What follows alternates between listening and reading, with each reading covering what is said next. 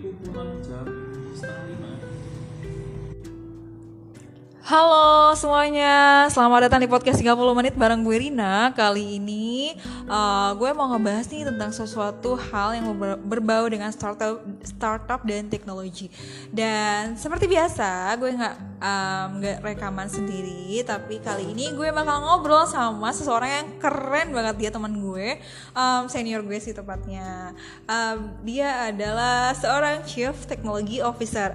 Apalagi kalau bukan CTO Halo selamat sore Pak Yafi halo selamat sore Eh, gue manggilnya di sini Mas Syafi aja ya biar nggak nggak ketuaan kali ya.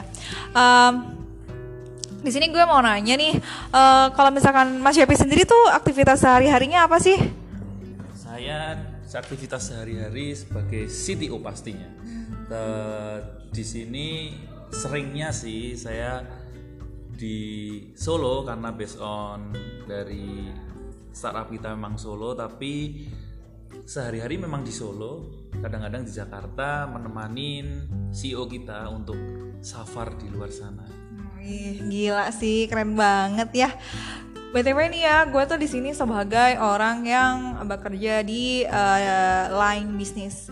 Tapi kalau misalkan gue sharing sama CTO ini, beliau tuh kayak dia ini keren banget sih, bisa kayak aja solving buat kerjaan gue as bisnis, eh, as bisnis. Terus kayak padahal tuh beliau tuh dari um, Mas Syafi ini dari apa ya teknologi anak coding dulunya cuy gue mau nanya nih sebenarnya tas harian CTO tuh apa sih Oke, tas harian CTO.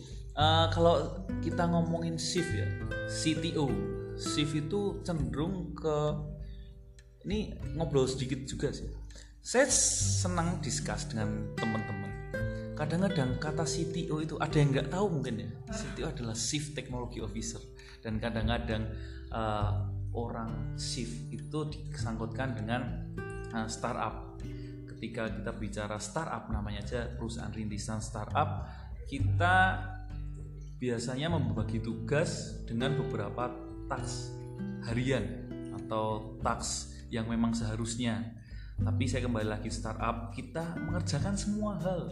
Semua hal kita kerjakan. Mulai ketika saya sebagai teknologi officer ya berarti saya banyak diskusi tentang teknologi saya mengawal bagaimana teknologi kita bekerja bagaimana teknologi kita selalu berkembang mengikuti zamannya kita diskusi tentang software dan tidak lupa saya kembalikan tadi kan teknologi officer saya kembalikan ke shiftnya yaitu sebagai kepalanya. Saya juga tidak lepas dari pekerjaan untuk mengembangkan perusahaan ini di lingkungan eksternal supaya benar-benar bisa dikenal dikenal produk kita di luar sana baik dari lingkungan yang simpul-simpul besar sampai orang-orang yang biasa aja. Mungkin banyak sih kalau kita berbicara tentang shift sendiri maupun teknologi officer karena di startup memang cukup banyak lingkupnya. Saya CTO kadang-kadang ngerjain terkait operation saya kadang-kadang juga discuss terkait bagaimana human bekerja terus kemudian saya teknologi itu sendiri kadang-kadang saya juga ngerancang bisnis jadi banyak. Tapi memang harian saya harian saya ini cenderung ke passion utama saya sebelumnya ya mungkin ya. Eh, saya sebagai sebelumnya sebagai PM saya bekerja sebagai technical ya saya harus kembangkan teknikalitas itu secara masif walaupun kita saya, saya sebagai sudah sebagai shift itu sendiri.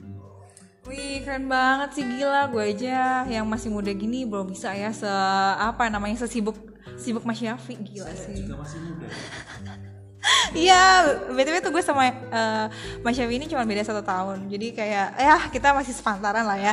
Terus kayak eh, selain berarti eh, keren banget sih job desknya si CTO ini. Selain bap- eh, masih harus kayak eh, manage people, problem solving, ngurus sana sini, ngurusin perusahaan juga, ngurusin eh, revenue juga, pusing kan ya kalau misalkan nggak revenue apps-nya gimana? Ada app ada ada bugs ya bukan bukan inilah. Tapi kayak pasti eh, Mas Syafi ini sangat bertanggung jawab jika ada ada error bugs dan selainnya di apps-nya nggak sih kayak terus eh, tantangan terbesar untuk sebagai CTO selama Mas bekerja di startup itu gimana sih? kalau tantangan terkait CTO sih kemungkinan kalau saya bahasakan Indonesia mungkin CTO itu adalah direktur uh, teknologi ya. Kalau perusahaan konvensional menyebutnya adalah tek- direktur teknologi. Kalau di- direktur teknologi terutama di masa sekarang yang sangat information, ya, sangat informasinya terjalin secara gampang diakses dan sebagainya, itu kalau terkait CTO sendiri mungkin nggak begitu dirasakan ya. Saya lebih merasakan malah tantangan terbesar itu shift di startup. Karena kalau kita berbicara shift dalam sebuah startup sebenarnya eh, fungsinya simpel tugasnya simpel tapi itu menurut saya tugas utama yang cukup berat yaitu menghasilkan social impact bagi masyarakat. Nah itu sebenarnya tugas shift itu sendiri. Shift itu sendiri membuat bagaimana uh, pekerjaan di startup itu mampu dihormati, mampu ber uh, masuk, mampu masuk dalam sebuah masyarakat dan itu bisa menyelesaikan sebuah permasalahan yang benar-benar real ada di masyarakat. Itu sebenarnya uh, tantangan terbesar sih. Tapi kalau tantangan besar CTO-nya sih untuk saat ini saya baru merasakan itu sih sebagai shift tantangan terbesar shift di dunia startupnya kalau teknologi officer insya Allah saya tinggal sering-sering aja mengikuti forum mengikuti komunitas teknikalitas terkait teknologi bagaimana teknologi ini berkembang secara cepat dan saya harus mengikutinya. Mungkin tantangan terbesar saya seperti itu tapi memang paling besar sih di shift startupnya ya. Wow, sangat sangat menginspirasi ya baru di sekitar 7 menit ini udah kayak wah, gue harus kayak gini nih. Terus kayak uh, ada nggak sih uh, oh ya Mas, apa lo nih uh, udah mencita-citakan diri lo sebagai CTO dari waktu kecil atau dari pas zaman kuliah? Oh, pasti, pasti. Dulu alhamdulillah saya memang masuk di dunia industrial atau dunia perkantoran mulai dari awal saya awal dari program itu ya voice note ya voice note all of your Oke terus kayak uh, lo ini mas udah apa ya namanya? Udah kan teman-teman teman nih. Ini khusus teman-teman yang di developer atau awalnya di programmer itu yang pengen bakal jadi CTO bisa ngedenger ini uh, kisah-kisahnya dari Mas Syafi ini. Kalau misalkan dari lo sendiri tuh Mas uh, lo emang bercita-cita jadi CTO dari kuliah kan? Uh, kalau itu pasti ya di mana pun kalau saya di dunia. Dulu saya uh, kuliah di teknik informatika tidak lepas dari IT, programmer, analis, QA dan sebagainya. Pasti keinginan tertingginya adalah paling ujung itu sebagai CTO. Ya, seperti saya waktu awal bekerja sebagai programmer, saya kepikiran ketika programmer apakah saya akan seperti ini terus ngoding, ngoding, ngoding akhirnya saya coba mengembangkan diri terkait pikiran saya seperti yang tadi. Kalau kita bercita-cita kan pasti setinggi langit ya. Kalau sebenarnya kalau CTO sendiri bukan langit lagi ya. Bukan terlalu tinggi ya. Tapi cita-cita terbesar sebenarnya punya usaha sendiri mampu merekrut CTO tapi untuk di dunia IT CTO lah memang yang tertinggi. Jadi tidak ada salahnya saya tempuh dulu awalnya saya programmer saya belajar coding. Awalnya e-commerce terus kemudian dipercaya sebagai analis. Terus di sini percaya lagi sebagai project manager. Lalu kita coba rolling proses bisnisnya menjadi startup terus kemudian saya dipercaya sebagai product manager. Ada yang nyebut saya bisnis analis juga mungkin.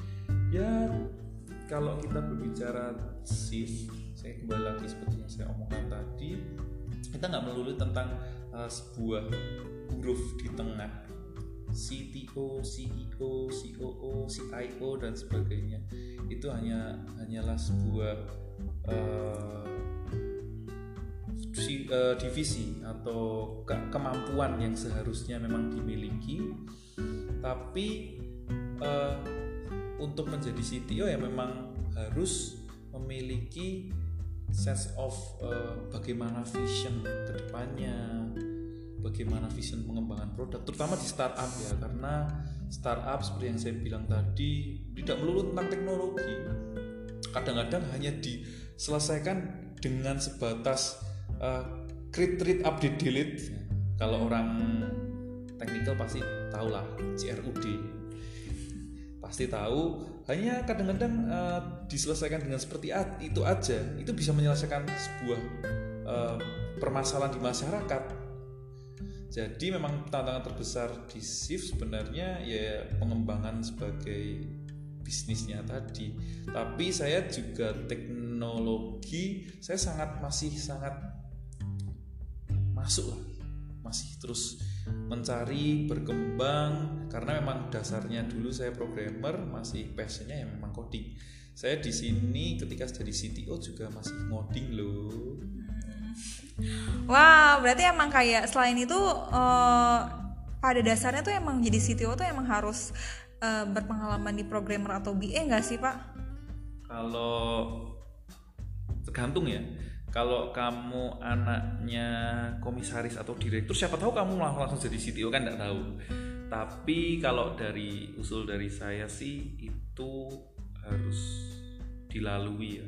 Ya minimal kalau nggak dilalui, kamu sudah harus tertarik di dua pekerjaan itu sih technical juga bisnis juga karena ketika kita menjadi uh, paling atas sebuah perusahaan walaupun terikat pada suatu divisi teknologi bisnis itu ter juga harus paham tapi teknikalitas juga tidak kalah penting.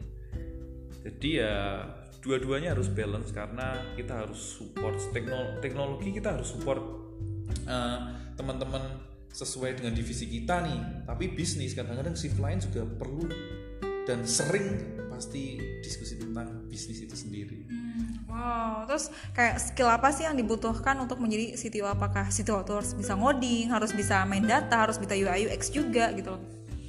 Kalau itu sih pasti ya. Kalau nggak tahu hal tersebut mungkin agak susah dibilang CTO ya sih ya kalau dibilang saya mahir semuanya nggak juga. Nggak juga yang penting kamu bisa manage people secara bagus bagaimana kamu me membuat people itu menjadi berguna baik itu di perusahaan maupun di dirinya sendiri. Itu sebenarnya fungsi kita. Pernah dengar nggak sih kalau uh, semakin kita ke atas teknikalitas kita semakin turun? Pasti itu. Saya berani taruhan nih saya dengan programmer saya pasti lebih tahu programmer saya ini.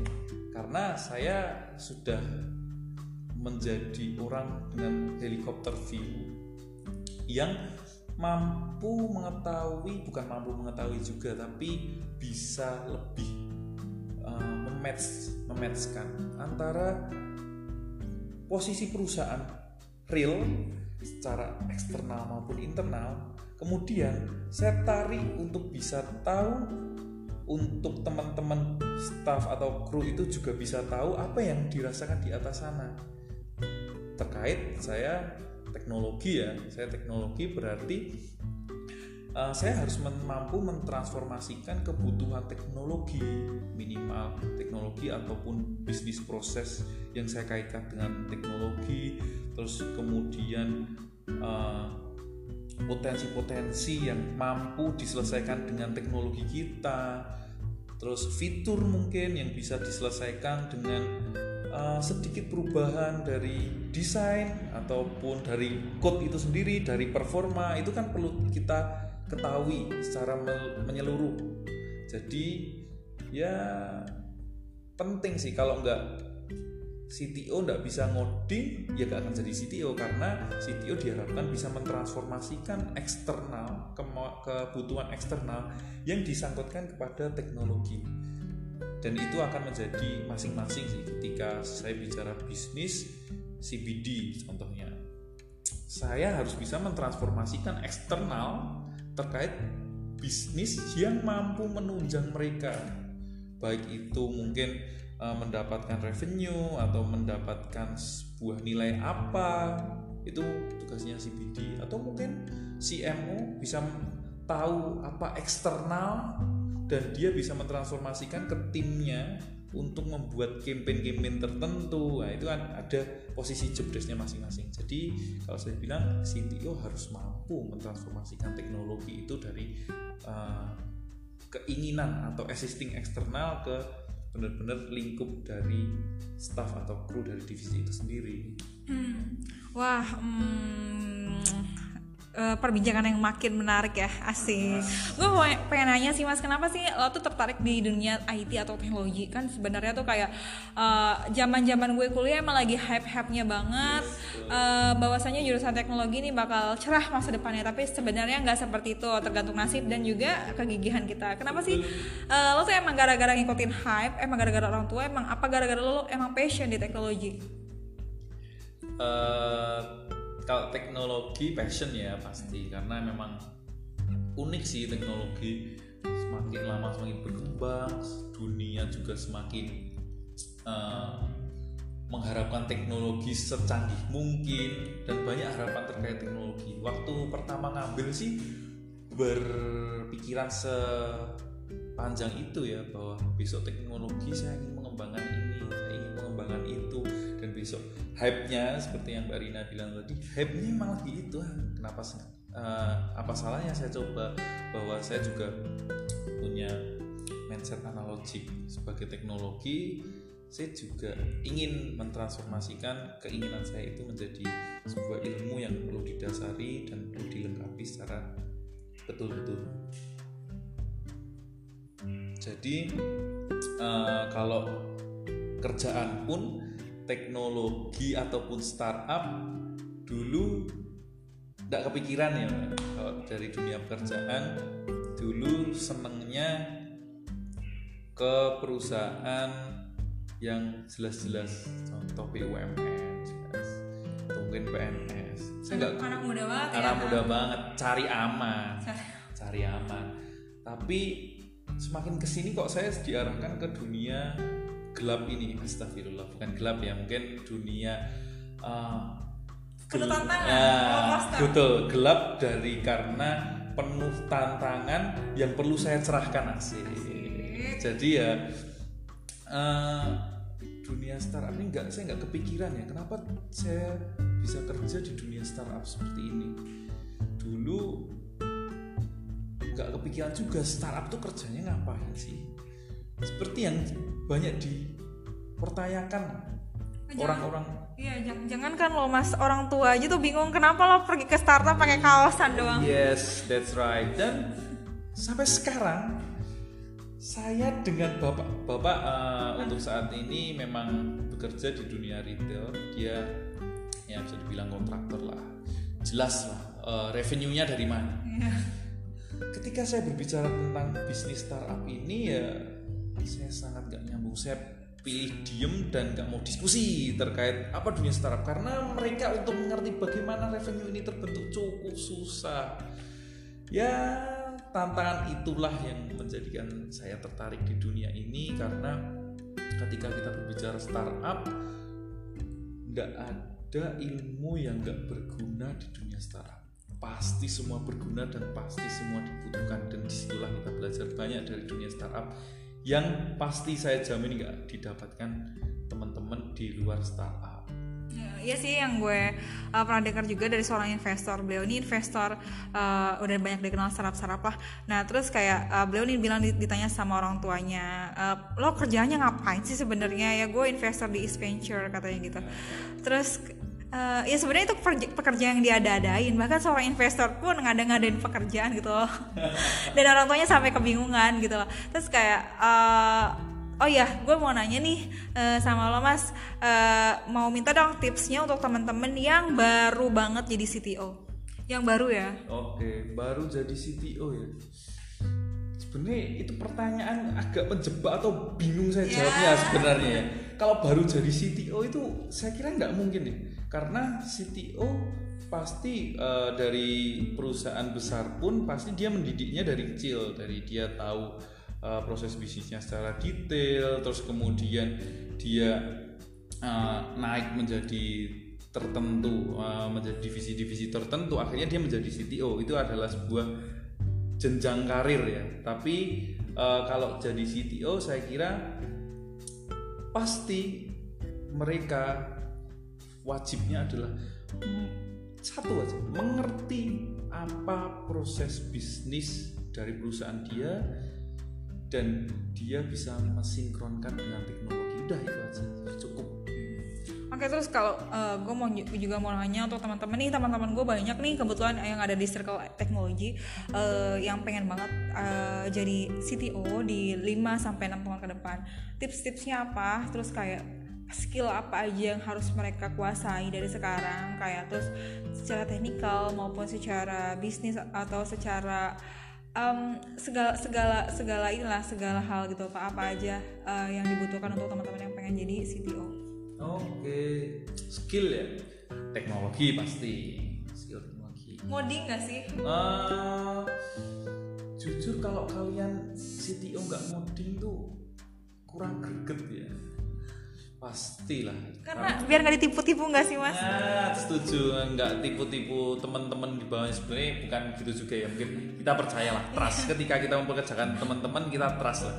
Eh, cenderung ke passion ya. Kenapa Ke- perlu coding itu karena passion kita sebelum ini ya ngoding ya. Kita harus eh, salurkan lah passion kita. Iman-iman kita punya eh, skill skill itu unik. Kalau saya bilang unik karena apa? Sekarang banyak sekali dia bukan teknik informatika dia mungkin fisika dia mungkin ekonomi mereka belajar coding. Coding itu unik ketika kita bicara fas- passion ya pasti coding itu. Kalau kita berbicara CTO pasti berhubungan dengan coding langsung. Kalau kita nggak akan bisa lepas dari coding. Selanjutnya skill lain coding itu macam-macam ya. Pasti terkait dengan teknologi ataupun bahasa yang menyertai eh, produk kita. Itu wajib dilakukan wajib tahu. Nama itu. Kedua pasti riset. Riset terkait pengembangan pengembangan dia harus mampu riset dia harus eh, riset holik dia harus senang buka-buka dia harus senang eh, diskusi dengan teman-teman untuk tahu bagaimana eh, bagaimana teknologi ini berkembang dan bagaimana improvementnya itu harus tahu. Terus kedua eh, ketiga ya pasti eh, dari bisnis itu sendiri ya dia harus mampu mentransformasikan bagaimana sebenarnya kebutuhan pasar bagaimana kebutuhan investor bagaimana kebutuhan customer dan itu harus mampu didefinisikan secara real di dalam teknologi baik itu mungkin dalam bentuk- flow mungkin atau dalam bentuk algoritma itu masih make sense sih. Jadi ketika algoritma eh, jadi ketika kita nggak bisa coding itu akan susah mengerti apa itu algoritma. Mungkin orang-orang yang bisa ngoding aja nih yang mampu mengerti apa itu algoritma sebenarnya. Jadi ya kemampuan coding itu pasti yang lebih penting. Berarti kalau misalkan gue cuman gue pengen jadi CTO nih mas tiga tahun ke depan. Terus kalau misalkan gue nggak bisa ngoding gue cuman bisa main eh, web doang. Aduh, aduh malu pasti, malu pasti sama teman-teman di bawahnya itu. Ya Allah. Ya nggak akan berkembang juga ya, nggak akan berkembang juga dengan teman-teman juga. dan satu lagi sih kita nggak bisa nyiptain obrolan gak sih sama teman-teman yang lain nggak bisa nyiptain obrolan dan mungkin stuck ya, Iya. stuck, stuck di situ-situ aja ya. Kurang greget lah nanti. Hmm, Oke, berarti gue nggak masuk kualifikasi untuk menjadi CTO nih. oh iya mas. Ya. oh ya satu lagi sih gue mau nanya semua orang nih punya mimpi. Dan mimpi lo nih sebagai CTO tuh pasti kan pengen eh, apa sih? Apalagi sih kalau nggak untuk eh, mengembang mengepak sayapkan si sebuah startup terus kalau misalkan mimpi dari lo ini sebagai CTO untuk sebuah startup lo ini apa sih mas?